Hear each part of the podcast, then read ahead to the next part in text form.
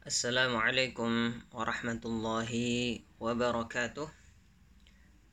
Alhamdulillah wassalatu wassalamu ala rasulillah wa ala alihi wa sahbihi wa man walah. Pada pertemuan kali ini kita akan melanjutkan pembahasan kitab Thalathatul Usul atau Al-Usul Al-Thalathah wa yang dikarang oleh Syekh Muhammad At-Tamimi rahimahullahu taala. Dan pembahasan kita pada kali ini yaitu pokok yang ketiga atau bisa disebut dengan uh, pertanyaan yang ketiga dari pertanyaan-pertanyaan kubur. Yaitu apa? Man nabiyuk? Siapakah nabimu? Dan dalam pembahasan kali ini akan uh, membahas ya, tentang biografi Nabi Muhammad SAW Alaihi Wasallam dari nama beliau, nasab beliau, umur beliau dan sebagian dakwah yang disampaikan oleh beliau Sallallahu Alaihi Wasallam. Kemudian Syekh Muhammad At-Tamimi rahimahullahu taala berkata al-aslu thalith, pokok yang ketiga yaitu ma'rifatu nabiyikum Muhammad sallallahu alaihi wasallam mengenal Nabi Muhammad sallallahu alaihi wasallam وهو محمد بن عبد الله بن عبد المطلب بن هاشم beliau adalah Muhammad bin Abdullah bin Abdul Muttalib bin Hashim وهاشم من قريش Hashim itu dari suku Quraisy wa Quraisy min al-Arab dan Quraisy itu dari bangsa Arab wal Arab min dzurriyyati Ismail bin Ibrahim al-Khalil dan bangsa Arab merupakan keturunan dari Nabi Ismail putra Nabi Ibrahim Khalilullah. Alaihi wa ala nabiyina afdhalus salati wassalam. Semoga Allah Subhanahu wa taala melimpahkan kepada Nabi Ibrahim dan kepada Nabi kita Muhammad ya sebaik-baik salawat dan salam. Walahu dan walahu minal umur. Nabi Muhammad ya, memiliki umur 63 sanah. Ya, beliau hidup selama 63 tahun minha arba'una qabla nubuwah. Beliau hidup ya, 40 tahun ya sebelum diangkat ya menjadi nabi. Wa 23 nabiyan wa rasula. Dan 23 tahun sebagai nabi dan rasul.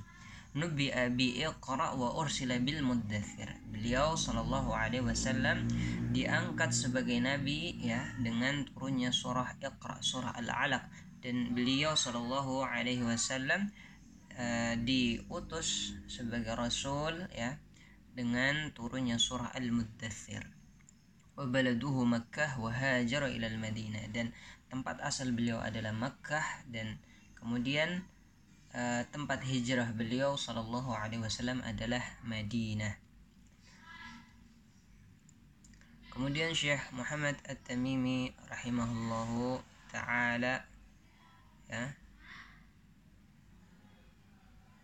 mengatakan ba'athahu Allah bin nadharati 'ani syirki. Beliau sallallahu alaihi wasallam Syekh Muhammad At-Tamimi rahimahullah mengatakan ba'athahu Allah bin nadharati 'ani syirki. Beliau sallallahu alaihi wasallam diutus oleh Allah untuk menyampaikan peringatan supaya menjauhi syirik dan mengajak manusia kepada tauhid. Wa dalilu qawlu ta'ala ya dan hal ini sebagaimana firman Allah Subhanahu wa taala dalam surah Al-Muddatsir ayat 1 sampai ayat 7 Allah berfirman ya ayyuhal muddatsir wahai orang-orang yang berselimut ya qum fa'andir wa rabbaka fakabbir wa thiyabaka fatahhir wa rujza fahjur wa la tamnun tastakthir wa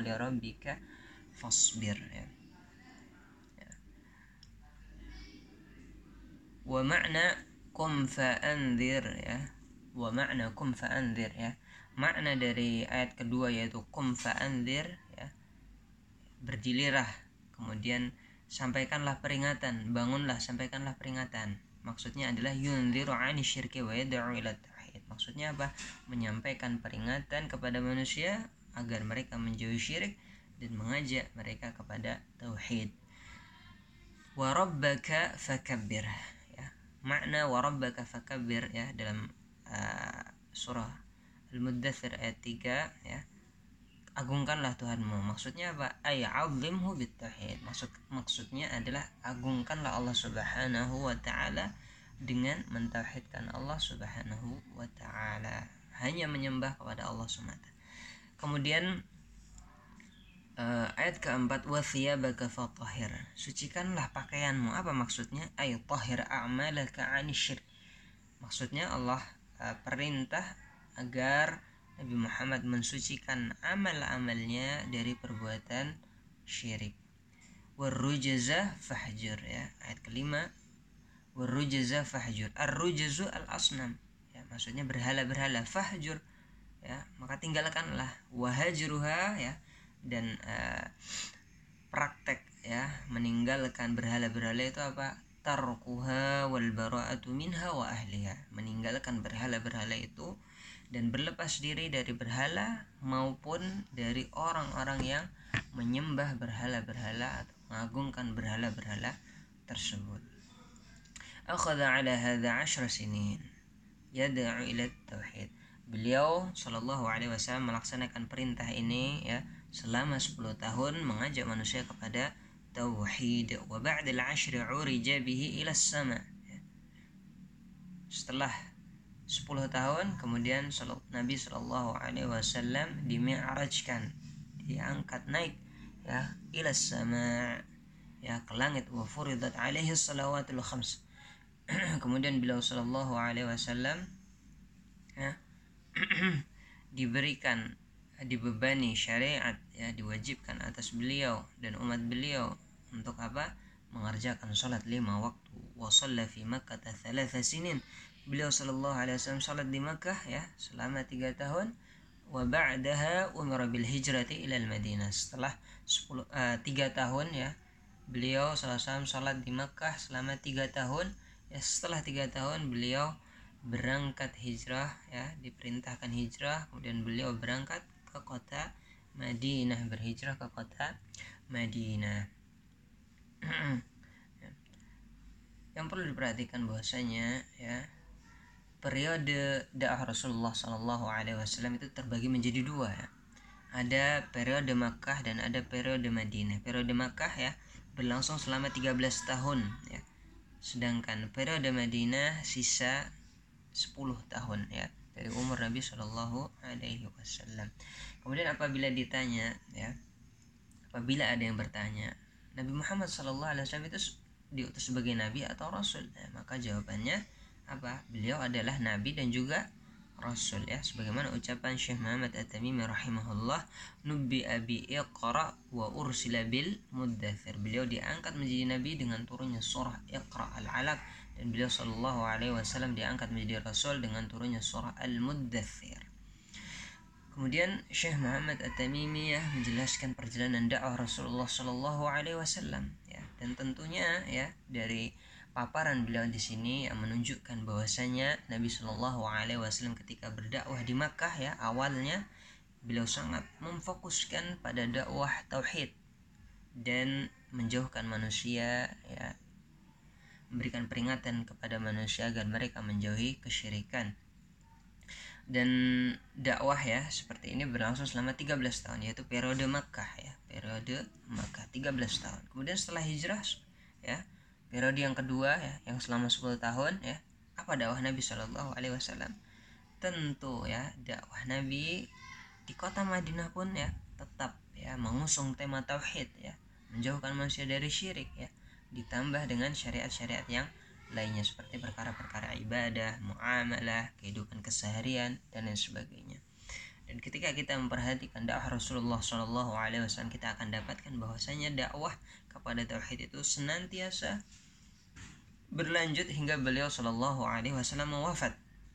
Dan ini merupakan bantahan yang sangat jelas atas orang-orang yang menyuruh kepada manusia ya untuk ayo kita ala kadarnya saja belajar tauhid ya hanya sekilas saja ya menyuruhkan mereka mengajak mereka ya mengatakan kepada manusia memberikan syubhat kepada manusia bahwasanya mempelajari tauhid itu nggak perlu makan waktu lama ya ini bantahan ya bagaimana Rasulullah Shallallahu Alaihi Wasallam 13 tahun ya ya mengajak manusia kepada tauhid ya mengajak manusia kepada tauhid ya. kemudian uh, ucapan Syekh Muhammad At-Tamimi rahimahullah wa urija bi ila sama beliau Shallallahu Alaihi Wasallam dimi'rajkan dimi'rajkan ke atas langit ya. Ini ada beberapa faidah dari kalimat beliau ya. Di antaranya yang pertama bahwasanya perkara-perkara gaib yang diberitakan oleh Nabi Shallallahu Alaihi Wasallam ya kita hanya mengatakan apa? Kami beriman ya kami beriman ya membenarkan dan menerimanya ya. Amanna wa saddaqna wa sallamna.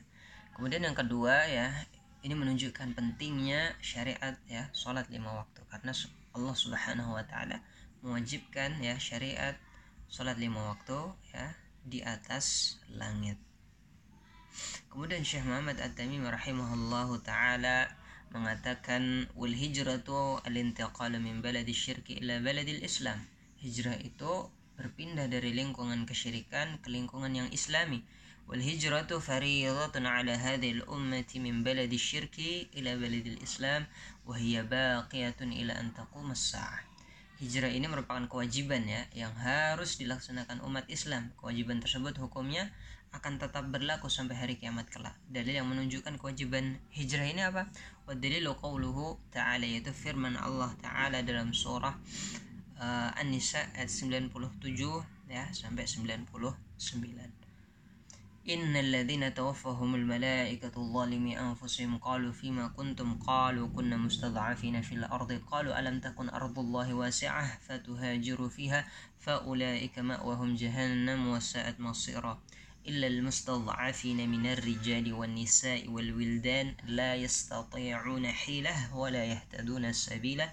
فأولئك عسى الله أن يعفو عنهم وكان الله عفوا غفورا. Sesungguhnya orang-orang yang diwafatkan malaikat ya dicabut nyawa mereka ya dalam keadaan zalim ya zalim terhadap diri mereka sendiri menganiaya diri mereka sendiri ya. Kemudian malaikat bertanya kepada mereka ya keadaan ka kalian ini dalam keadaan seperti apa sekarang ini? Mereka menjawab kami adalah orang-orang yang tertindas di negeri Makkah. Ya kemudian para malaikat berkata bukankah bumi Allah itu luas ya sehingga kamu dapat berhijrah ya di bumi itu dan orang-orang itu yang seperti itu tempat mereka adalah di neraka jahanam dan jahanam merupakan seburuk-buruk tempat kembali kecuali mereka yang tertindas ya baik laki-laki wanita anak-anak yang mereka punya ulur ya. Ulurnya apa? Mereka tidak mampu tidak punya upaya ya daya upaya untuk uh, berhijrah. Dan juga mereka tidak tahu ya jalan menuju uh, Madinah untuk berhijrah dan mereka itu semoga Allah Subhanahu wa taala memaafkannya dan Allah Maha Pemaaf lagi Maha Pengampun.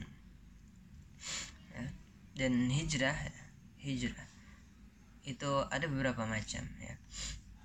Yang pertama ada hijrah dari negeri kafir ke negeri Islam dan ini hukumnya wajib.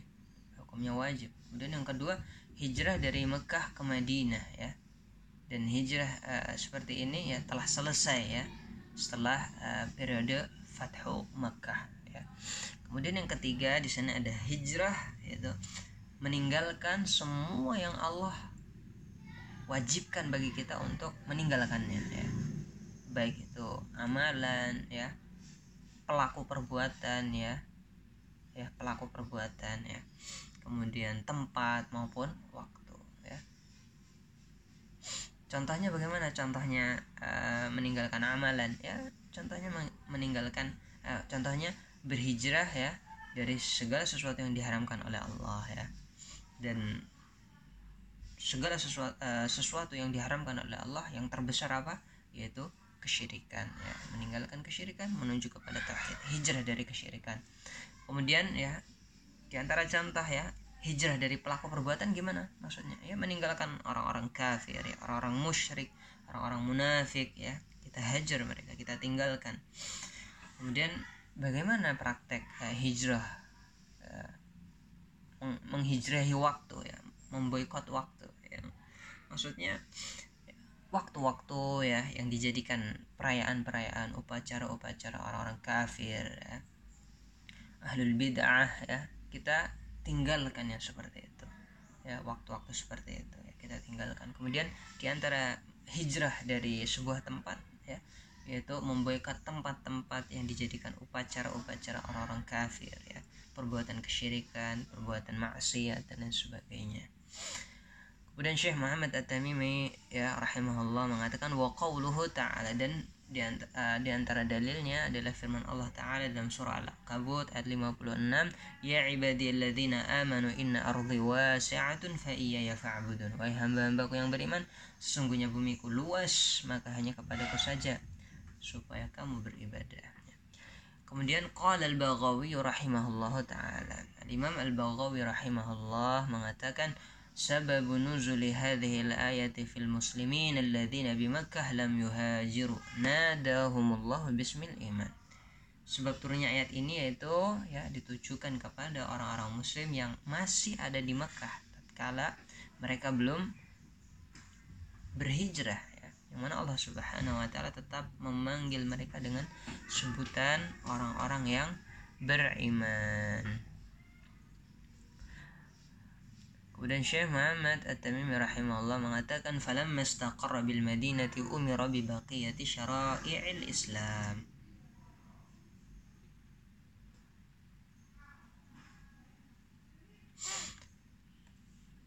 Oh, enggak. Kelewatan ya.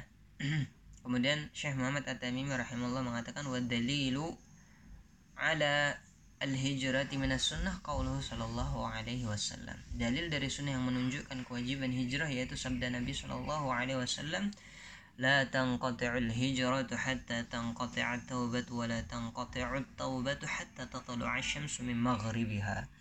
Hijrah tetap akan berlangsung selama pintu taubat masih belum ditutup.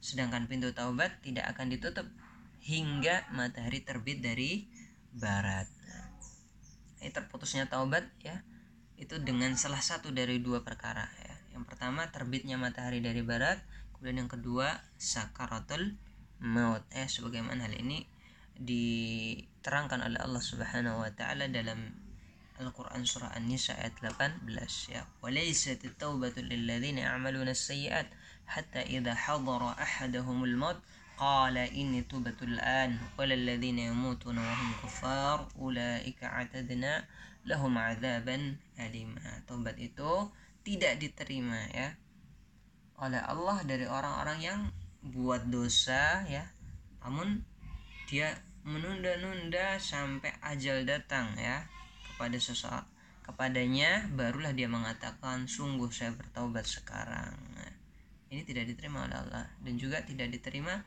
tobatnya orang-orang yang mati dalam kekafiran ya dan bagi orang-orang tersebut ya telah Allah sediakan siksa yang pedih. Kemudian eh, di sana juga ada sabda Nabi Shallallahu Alaihi Wasallam yang artinya tidak ada hijrah setelah pembebasan Makkah. La hijrata ba'dal ba'da fathi Makkah, ba'dal fathi Maksudnya apa? Maksudnya tidak ada hijrah lagi ya dari kota Makkah ke Madinah. Dan ini merupakan isyarat juga bahwasanya kota Makkah tidak akan mungkin menjadi negeri kekafiran selama-lamanya.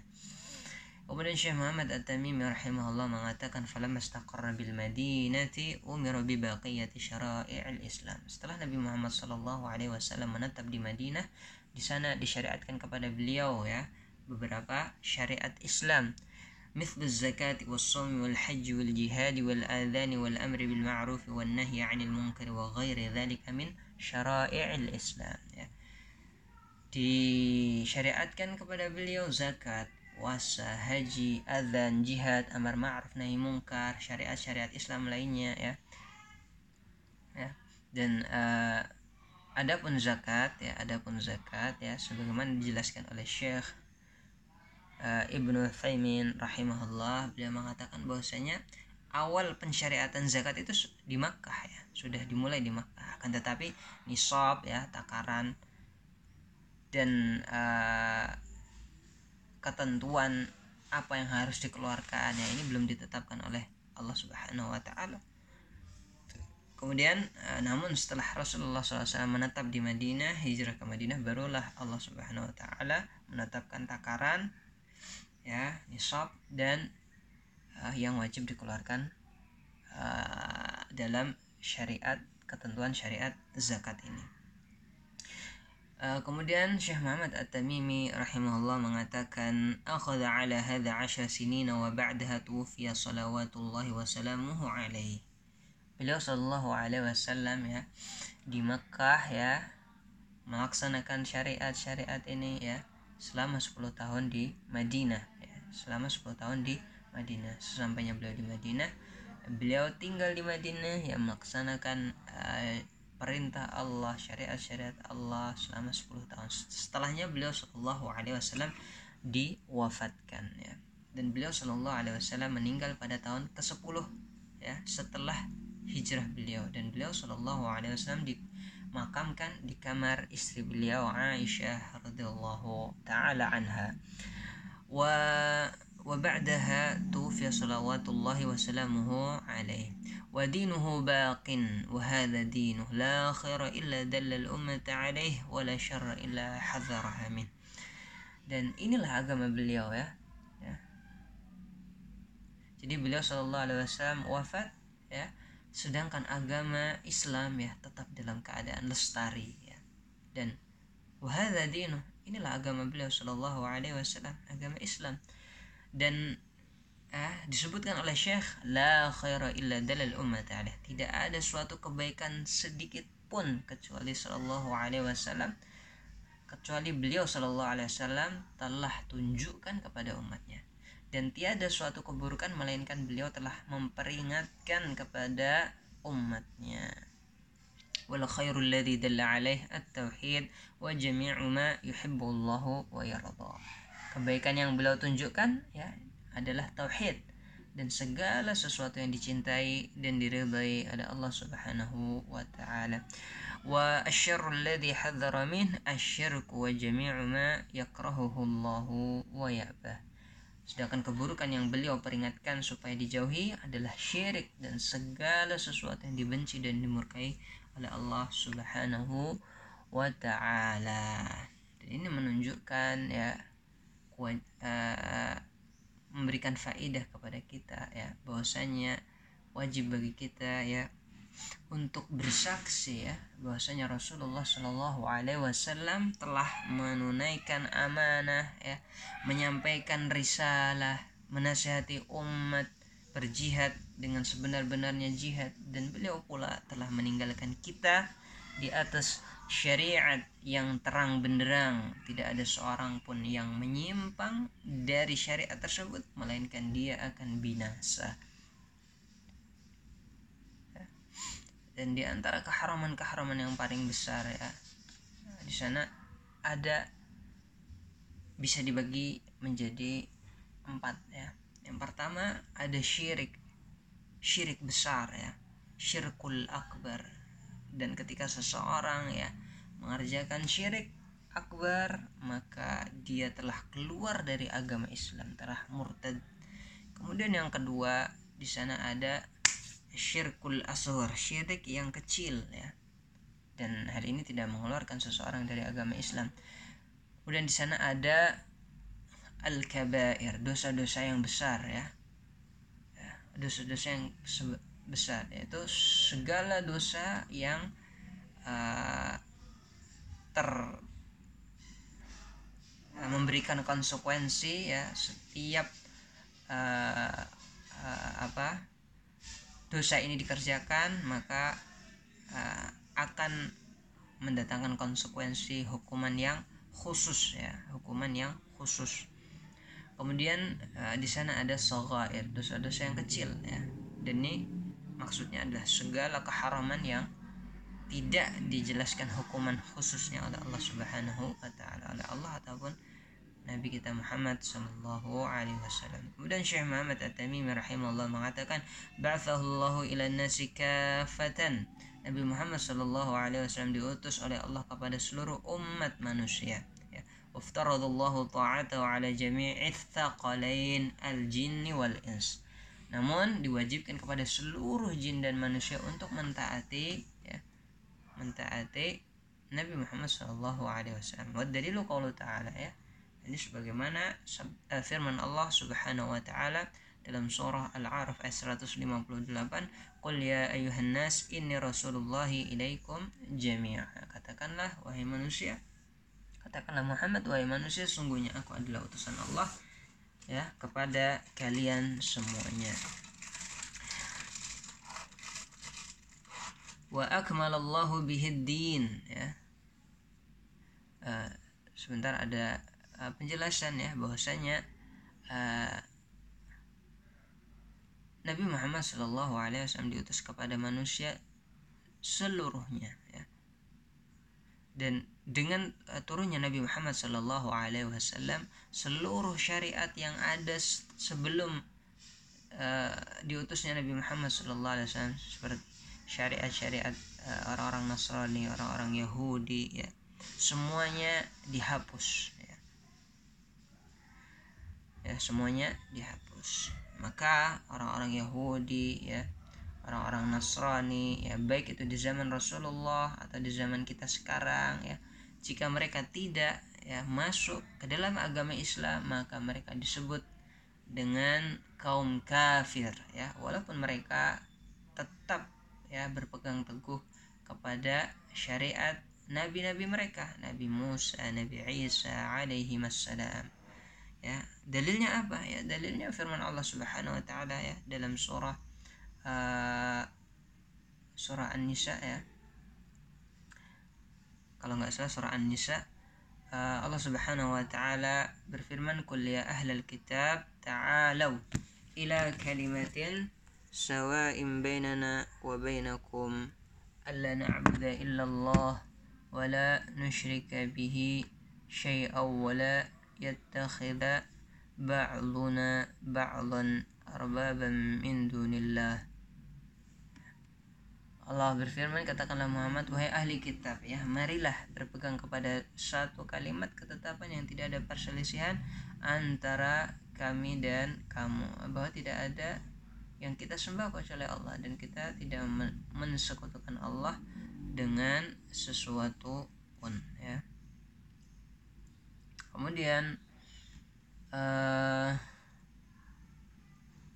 di antaranya adalah firman Allah dalam surah At-Taubah ayat 29 ya. Allah berfirman qatilul ladzina la yu'minuna billahi wala bil yawmil akhir wala yuharrimuna ma harramallah wa rasuluhu wa la yadinuna dinal haqqi minal ladzina utul kitab hatta yu'tul jizyata ayyadi wa hum sagiran ya perangilah orang-orang yang enggak beriman kepada Allah dan mereka juga enggak beriman kepada hari akhir ya.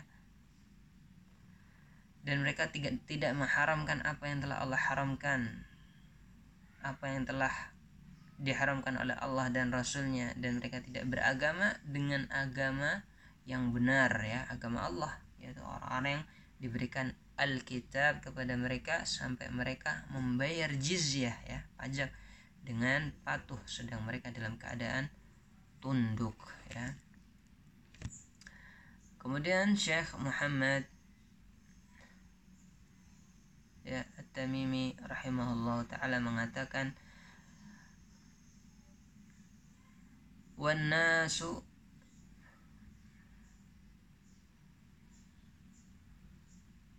ah afwan wa akmalallahu bihi dina dan Allah Subhanahu wa taala telah menyempurnakan agamanya ya dengan diutusnya Nabi Muhammad Sallallahu Alaihi Wasallam.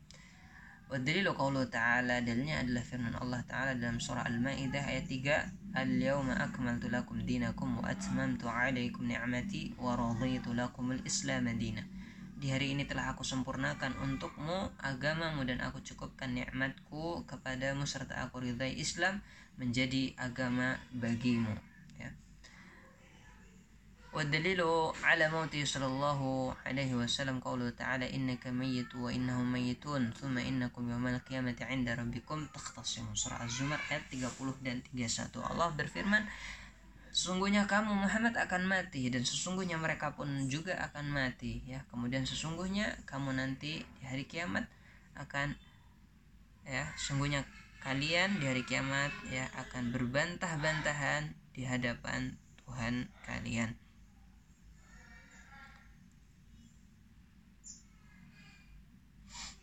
Kemudian uh, kita masuk kepada uh, uh, dalam penutup ya kalimat penutup yang dibawakan oleh Syekh Muhammad At-Tamimi rahimahullah. Dimulai dari kalimat ya, ini ya, di sini ya inti dari paragraf terakhir ini adalah penutup yang dibawakan oleh Syekh Muhammad At-Tamimi rahimahullah dalam kitab Usul wa Adillatuha. Al-Usul Ats-Tsalatsah wa Adillatuha. Ya, beliau Muhammad At-Tamimi rahimahullah mengatakan wan nasu idza matu yub'atsun. Manusia setelah mati ya mereka akan dibangkitkan kembali. Wa dalilu qaulu ta'ala dalilnya adalah firman Allah Subhanahu wa taala dalam surah Taha ayat 55 Minha khalaqnakum wa fiha nu'idukum wa minha nukhrijukum taratan ukhra Dari tanahlah kamu ya telah kami jadikan ya dan kepadanya kamu kami kembalikan serta darinya kamu ya akan kami bangkitkan sekali lagi. Wa qawluhu ta'ala dan firman Allah ta'ala dalam surah Nuh ayat 17 dan 18 Wallahu anbatakum minal ardi nabata Thumma yu'idukum fiha wa yukhrijukum ikhraja. Allah telah menumbuhkan kamu dari tanah dengan sebaik-baiknya ya Kemudian Allah akan mengembalikan kamu ke dalamnya lagi ke dalam tanah. Dan di hari kiamat Allah akan mengeluarkan kamu dengan sebenar-benarnya. Wa ba'dal ba'thi ya dan setelah manusia dibangkitkan muhasabuna wa majziyuna amalihim mereka akan dihisab dan diberi balasan ya. Ya. Sebab atau sesuai dengan perbuatan mereka ya wa dalilu qawlu ta'ala dalilnya ya adalah firman Allah Subhanahu wa taala dalam surah Najm ayat 31 walillahi ma fis samawati wa ma fil ard liyajzi alladhina asa'u bima amilu wa yajzi alladhina ahsanu bil husna. Hanya kepunyaan Allah apa yang ada di langit dan apa yang ada di bumi ya supaya Allah memberi balasan kepada orang-orang yang berbuat buruk sesuai dengan perbuatan mereka dan memberi balasan kepada orang-orang yang berbuat baik dengan pahala yang lebih baik lagi yaitu surga Waman kadzdzaba bil kafar ya. Syekh mengatakan siapa yang tidak mengimani kebangkitan hari akhir maka dia telah kafir ya. Dalilnya apa? Wa dalilu ta'ala ya. زعم الذين كفروا أن يبعثوا قل بلى وربي لتبعثن ثم لتنبؤن بما عملتم وذلك على الله يسير surah At-Taghabun ayat 7 orang-orang kafir mengatakan bahwasanya mereka tidak akan dibangkitkan nah, orang-orang kafir ya maka katakanlah Muhammad tidak demikian demi Rabbku ya kamu pasti akan dibangkitkan dan niscaya akan diberitakan kepadamu apapun yang telah kamu kerjakan yang demikian itu adalah amat mudah bagi Allah Subhanahu wa taala. Wa sallallahu jami'a rusuli mubasysyirin wa munzirin ya. Dan Allah Subhanahu wa taala mengutus semua rasul ya sebagai pemberi kabar gembira dan pemberi peringatan. Wa dalilu qawlu ta'ala dalilnya adalah firman Allah Ta'ala Rusulan mubashirina wa mundirin ya. Kami telah mengutus rasul-rasul ya menjadi penyampai kabar gembira dan pemberi peringatan supaya tidak lagi ada suatu alasan bagi manusia ya membantah Allah setelah ya rasul itu diutus ya. Dalam surah An-Nisa ayat 165.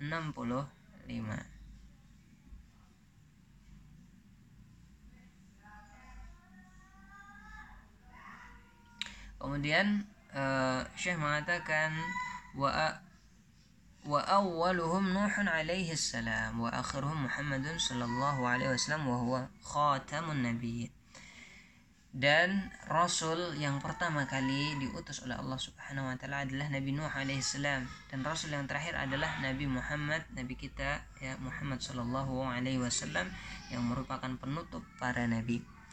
Wadalilu ya, ala anna awalahum Nuhun alaihi alaihi salam أولهم Nuh alaihi salam qauluhu ta'ala ya dalam surah An-Nisa 163 ya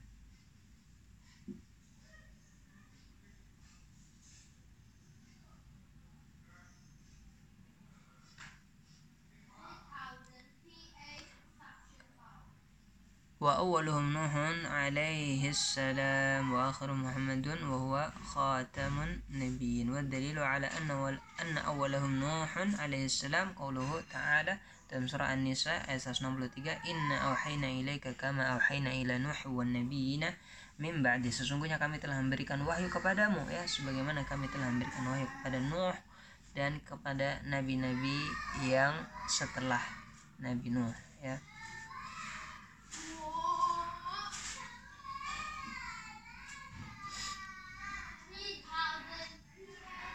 Dan adapun ya dalil ya yang menjelaskan bahwasanya uh, nabi pertama adalah Nabi Adam alaihissalam yaitu ketika Rasulullah Shallallahu alaihi wasallam ditanya tentang Adam alaihissalam ya apakah dia nabi? Ya kemudian Rasulullah Shallallahu alaihi wasallam menjawab dia adalah nabi dan juga mukallam ya yaitu uh, makhluk yang diajak bicara oleh Allah Subhanahu wa taala. Ya, dan Nabi Muhammad SAW adalah penutup para nabi ya. Sebagaimana uh, firman Allah taala, "Maka Muhammadun aba ahadin min rijalikum walakin Rasulullah wa khataman nabiyyin wa kana Allah bikulli syai'in alima." Ya. Muhammad itu sekali-kali bukanlah bapak dari seorang kalian ya akan tapi ya Nabi Muhammad adalah Rasulullah dan penutup nabi-nabi dan Allah lah yang maha mengetahui segala sesuatu. Maka jika ada yang mengaku sebagai nabi ya sebagai rasul setelah wafatnya Nabi kita Muhammad Shallallahu Alaihi Wasallam maka dia adalah pendusta dan kafir. Dan begitu pula dengan orang-orang yang membenarkan ya mereka para pendaku pendaku nabi dan rasul ini maka dia juga telah kafir ya keluar dari agama Islam.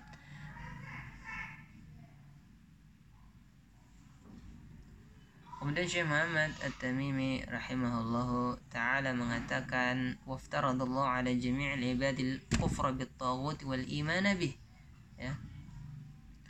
Dan Allah memerintahkan kepada ya seluruh hamba ya mewajibkan mereka untuk apa? Untuk uh, mengkufuri ya tagut ya. Melarang mereka beribadah kepada tagut ya. Sesembahan selain Allah. Dan wal iman billah. Dan hanya ya beriman kepada Allah Subhanahu wa taala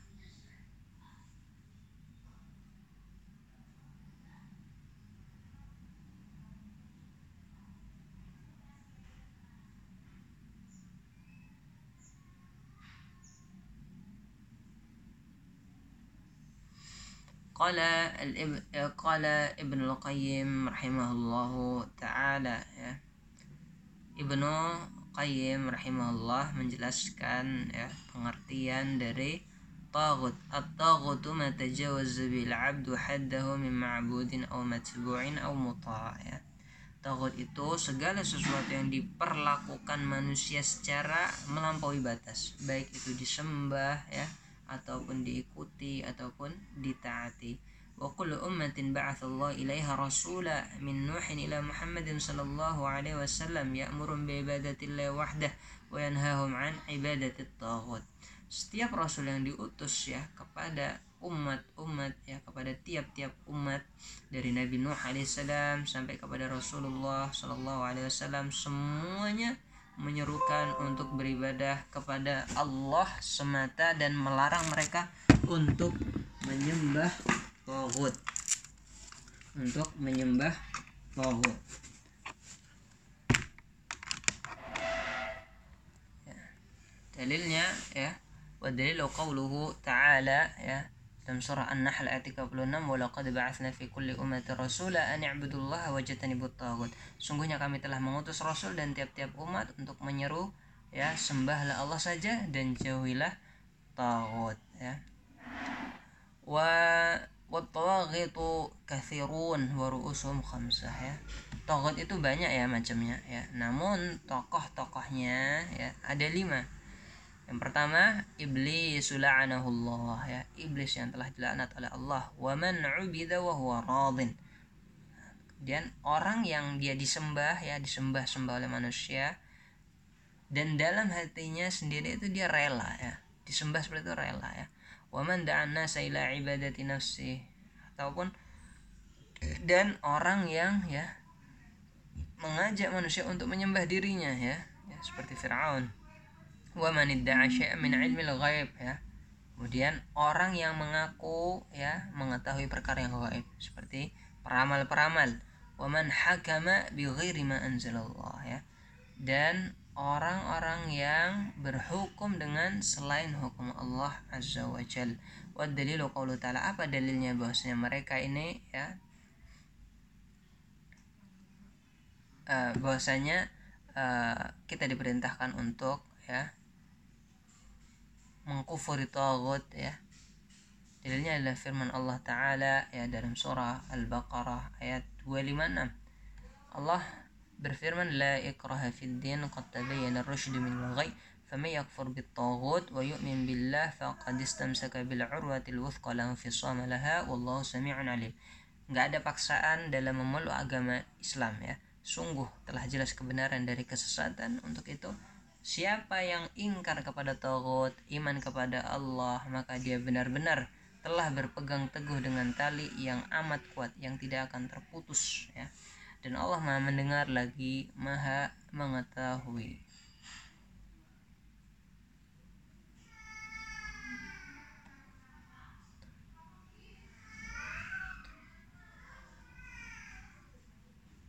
Kemudian Syekh mengatakan wahada makna la ilaha illallah ya inilah makna la ilaha illallah wa fil hadis ya dalam hadis ya dijelaskan disebutkan ya sabda Nabi Rasul amri al-islamu wa amuduhu as-salatu.